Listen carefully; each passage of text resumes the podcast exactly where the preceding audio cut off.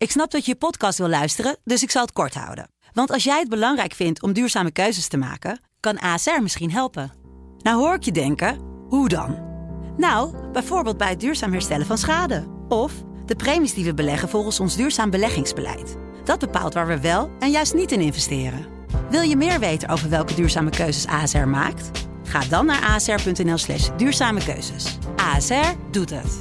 Zo, dan kan je nu lekker naar je podcast luisteren.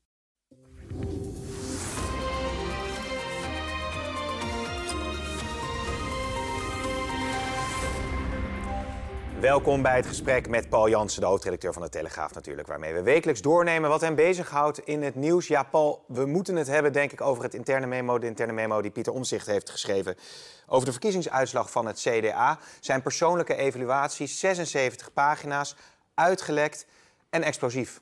Ja, het is ingeslagen als een bom en ook een bom onder de partij. Uh, eigenlijk één lange brei verwijten en frustratie. Uh, en ook wel onderbouwd met allerlei bijlagen uh, waar, waarvan wij als journalisten wel smullen natuurlijk, maar tegelijkertijd wel ons afvragen hoe gaat dit ooit nog goed komen ja. in de partij. En het zijn, het zijn, het zijn, het is, het is een analyse, hè, omzichtsanalyse van wat er allemaal mis is gegaan in de campagne. Ook wat er allemaal mis is met het politieke systeem in Nederland. En daar snijdt hij wel een paar hele rake punten aan, mm. zoals hij dat eerder ook heeft gedaan hoe belangenclubs domineren, hoe we niet het oog op de bal hebben in hele belangrijke dossiers. Bij mij sprongen dan bijvoorbeeld uit over migratie. Dan zegt hij, migratie wordt in Nederland ervaren als een natuurverschijnsel. Dat vond ik wel een mooie, mooie typering. Het, het lijkt steeds ons te overkomen en alsof je daar helemaal geen grip op hebt. Ja. Nou, zo, zo uh, uh, uh, ziet hij een aantal dossiers waar zaken niet goed gaan, waar lobbyclubs de, over, de overhand hebben, waar de burger eigenlijk buitenspel is gezet. Maar ook een Haagse modus operandi waarbij eh, men elkaar afdekt, zaken geheim houdt. Nou, waar, wat hij eerder al heeft aangegeven, een gebrek aan tegenmacht, een gebrek aan dualisme.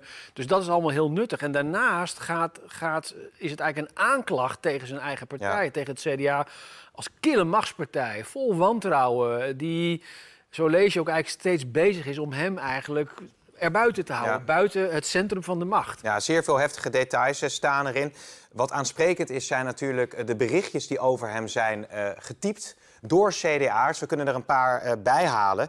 Ja, het zijn echt scheldpartijen, ongelofelijke klootzak, psychopaat, teringhond. Uh, met een Hitlersnorretje is hij afgebeeld. Die gast is echt gestoord. Fucking eikel met die nazi-posters. Ja, daarvan zegt hij ik voel me onveilig in mijn eigen partij. Dat dit soort berichten worden gebezigd. Ja, en dan ga ik iets heel raars zeggen. Want dit is natuurlijk heel. Dit is echt, dat kan niet. Dit is heel, heel heftig. Uh, maar toch verbaast het me niet. En niet zozeer omdat het om zich is, maar ik, ik, ik, dit, dit sentiment en die hoge druk en elkaar voor rotte vis uitmaken, dat gebeurt helaas vaker in de politiek. Ja, maar je hebt rotte vis en je hebt rotte vis, hè? want dit zijn natuurlijk wel hele je weet niet, uit. Ja, maar je weet niet wie het geschreven heeft. Dat kan, nee. kan en daarmee, ik wil niks goed praten, ik wil niks bagatelliseren, want het deugt niet. Maar ik heb ook in andere partijen uh, wel gezien dat uh, mensen elkaar bejegenen op een, op een manier die het daglicht niet verdraagt. Nee. Dus, dus ik, ik vind dit, dit, is, dit is spectaculair, maar dit is in, in essentie niet waar het om gaat. Een belangrijk punt wel uh, is de verkiezing om dat lijsttrekkerschap. Uh, dat ja. was uh, zenuwslopend. Heel veel is daar gebeurd aan de voorkant. Maar uiteindelijk mondde het uit in een strijd tussen Hugo de Jonge en Pieter Omtzigt. Hugo de Jonge die won net.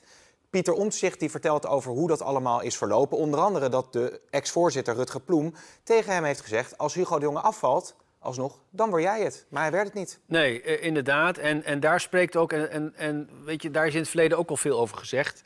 En het kamp Omzicht heeft ook zo'n twijfel uitgesproken. He, de, je weet, de vrouw van Omzicht die kreeg toen ze had gestemd. Ja. De, de, geheime stemming kreeg ze bedankt voor je stem op Hugo de Jonge. Nou, daar is toen onderzoek naar gedaan. En zou maar zes mensen zou dat maar zijn overkomen. Maar er hing al de hele tijd een zweem rond die verkiezing van is dit allemaal wel eerlijk verlopen. Maar uiteindelijk is, daar, is dat niet waar het om gaat. Deze, deze, dit hele document, deze hele aanklacht gaat uh, in, in essentie maar om één ding. Is het CDA een machtspartij die geen enkele interne kritiek duldt en waar de partijtop de dienst uitmaakt en iedereen wordt kalt gesteld die niet mee wil lopen in, eh, mee wil lopen in de, de marsroute zoals die door de leider wordt uitgestippeld? Dat is eigenlijk de belangrijkste aanklacht ja. die, die om zich doet. En het tweede wat je moet afvragen, wie heeft dit gelekt? Wie heeft dit document gelekt? Ja, want, want binnen het Staat- CDA zal niemand hier belang bij hebben, lijkt me. dit is, dit, is, dit, het- dit is slopend voor het CDA. Het stuk heeft, is ondertekend op 6 juni. Dat is, nog maar, dat is nog maar kort geleden. Dus het is een stuk wat is ingediend bij die commissie die de verkiezing moet evalueren. Je kan je voorstellen dat die commissie, die krijgt uit alle hoeken krijgt die informatie en die, die vat dat samen in een rapport. Daar zal het verhaal van Omzicht één onderdeel van zijn. Wat je nu krijgt door eerder naar buiten te gaan met dit rapport, krijg je het, het, het ongefilterde verhaal van één belanghebbende in deze. Ja. Het is. Wij weten ook niet, eh, eh, we hebben de informatie via zusterkrant De Limburg gekregen. Wij weten ook niet eh, wie het lek is. Maar het lijkt me sterk dat het kamp Hoekstra hier de, de, Nee. de, de lekkende partij is. Omzicht eh, eh, ontkent natuurlijk dat het uit zijn hoek komt. Dat weten wij ook niet. Dat wil ik ook helemaal niet suggereren. Maar het is wel een hele belangrijke vraag. Met name omdat, omdat dit zo'n splijtend eh, Ja. effect kan hebben in die hele partij. Laten we het zo nog heel even hebben over die machtspartij die geen tegenspraak duldt. Maar inderdaad, dat Hoekstra het gelekt zou hebben, is onwaarschijnlijk. Omdat hij zelf ook al geobsedeerd door beeldvorming wordt genoemd. Er gaan ook geluiden dat een van de 3 miljoen van het geld wat in die partij is gestoken. er misschien wel bij lang, belang bij zou hebben als Wopkes koers ten uitvoering zou worden gebracht. Eh, vandaag reageerde hij als volgt. Vindt u het nou het meest schokkend wat u leest? Ja, weet je, ik vind het heel vervelend dat dat eh, in een periode waarin die evaluatie nog loopt eh, op straat ligt. Eh, En ik snap ook echt dat het bij u allemaal heel veel vragen oproept. Maar ik ga niet allemaal stukjes daaruit lichten en die nu bespreken. Wij moeten dat gewoon intern bespreken. Ja, en, en dit is natuurlijk, ja, het is geen makkelijke fase, maar ook, ja, ook dit moeten we weer oplossen. Als je ziet hoe hij is eh, bejegend in, in, in een WhatsApp-groep bijvoorbeeld, eh, ja, gewoon ronduit uitgescholden. Ja, ja nee, maar dat, er staat heel veel in. Eh, maar ik, ik wil dat nu niet, daar vraag ik ook om uw begrip, ik wil dat niet nu allemaal van commentaar gaan voorzien. Maar daar moet u toch afstand van Ehm, nemen? Ja, maar ik vind nou juist dat die evaluatiecommissie moet evalueren en dat die een aantal mensen moet spreken. Er worden ook allerlei mensen genoemd in het rapport. Hè, die, die, die, die vinden daar zelf misschien ook wat van. Ehm, dus dat moeten we doen, dat moeten we gewoon intern. Ja, die evaluatiecommissie waar hij op doelt, die gaat nu dus verder eh, met eh, dit eh, verhaal. De formatie is natuurlijk een heel relevant punt ook. Want welke invloed heeft dit op de formatie, denk jij? Nou, dit kan ook een, een, echt een spaak in het wiel zijn voor het CDA. Om, om, dat zag je ook in de eerste reacties. Ja, het CDA kan zo niet verder. Kijk, je wil natuurlijk in de formatie moet je onderhandelen met stabiele partijen om een nieuwe regering te vormen. En in elke optie die we nu de revue hebben zien passeren, is het CDA altijd een belangrijke speler, een belangrijke pilaar daarin eh, geweest. Maar zo'n gelekt verhaal kan natuurlijk, eh, zeker gezien de positie die om zich toch heeft met al zijn voorkeurstemmen, kan natuurlijk die stabiliteit in het CDA zwaar ondergraven. En, en ook de positie dus weer Ja. van Hoekstra. En het doet mij allemaal heel erg denken aan eh, de tijd dat eh, Rutte de lijsttrekkersverkiezing in de, in de VVD won. En vervolgens ehm, in een lange, diepe, smerige strijd verwikkeld raakte met Rita Ja. Verdonk. Ja. Dat is ook niet meer goed gekomen. Nee. Uiteindelijk is Rita Verdonk is uit de VVD.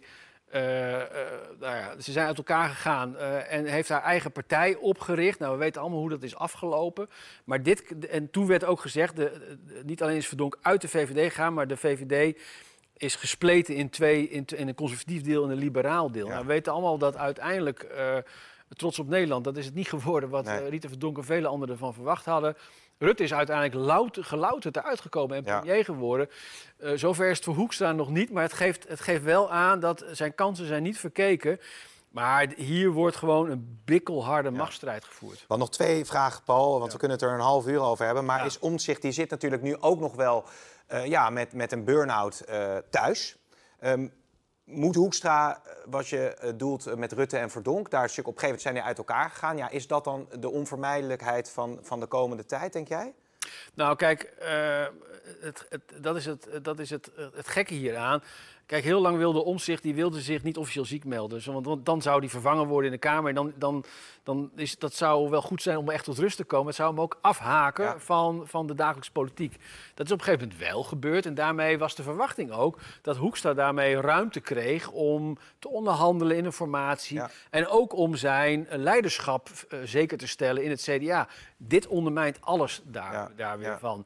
Eh, hoe ga je met, met, met omzicht op? Ja, formeel is de man ziek. En dat, dat maakt het natuurlijk ook allemaal wel lastig. Want je kan je ook vragen onder welke gemoedstoestand hij dan eh, zijn hele document heeft opgesteld. Waar, zoals jij terecht aangaf, hij ook eh, Hoekstra de volle laag geeft. Terwijl ik me kan herinneren dat, dat de- dezelfde meneer Omzicht voor de deur van, eh, van de woning van Hoekstra stond om hem eh, Ja. to- tot leider te kronen. Dus dat is allemaal heel, heel tegenstrijdig.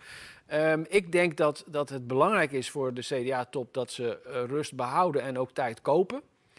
Maar uiteindelijk, hier kom je niet meer weg met een bezweringsformule Nee. of een evaluatierapportje. Nee. De schade is te groot. En eh, ik vrees dat eh, hier nog niet het, eh, de, de laatste Nee. slag in deze strijd is geleverd. En, en of dus het CDA, want die vraag had ik de kijker beloofd, een machtspartij is die geen tegenspraak duldt. Het, het scenario wat toch om zich schetst. ja. Kunnen we daar nog een antwoord op geven? Of... Nou, dat geldt al heel lang voor het CDA. Maar dat geldt niet alleen voor het CDA. Dat geldt voor heel veel Haagse partijen. En in ieder geval is dat de wens van veel Haagse partijen. Want je merkt dat heel veel eh, fracties en, en fractieleiders in Den Haag altijd zeggen... eh, wij vinden democratie heel leuk, maar we willen wel de baas zijn in onze eigen Ja. partij, in onze eigen fractie. En je hebt gezien in het verleden, bijvoorbeeld bij de PvdA... waar het toe kan leiden als je dat niet hebt. Dus te veel democratie in een fractie kan wel eens averechts werken. Dus een machtspartij, ja, dat geldt zeker voor het CDA. Maar of ze dat na deze ja, toch wel een dreun, of ze dat nog eh, zullen blijven... of dat de, de partij echt in de touwen hangt, dat zullen we zien. Paul, dank je. Graag gedaan.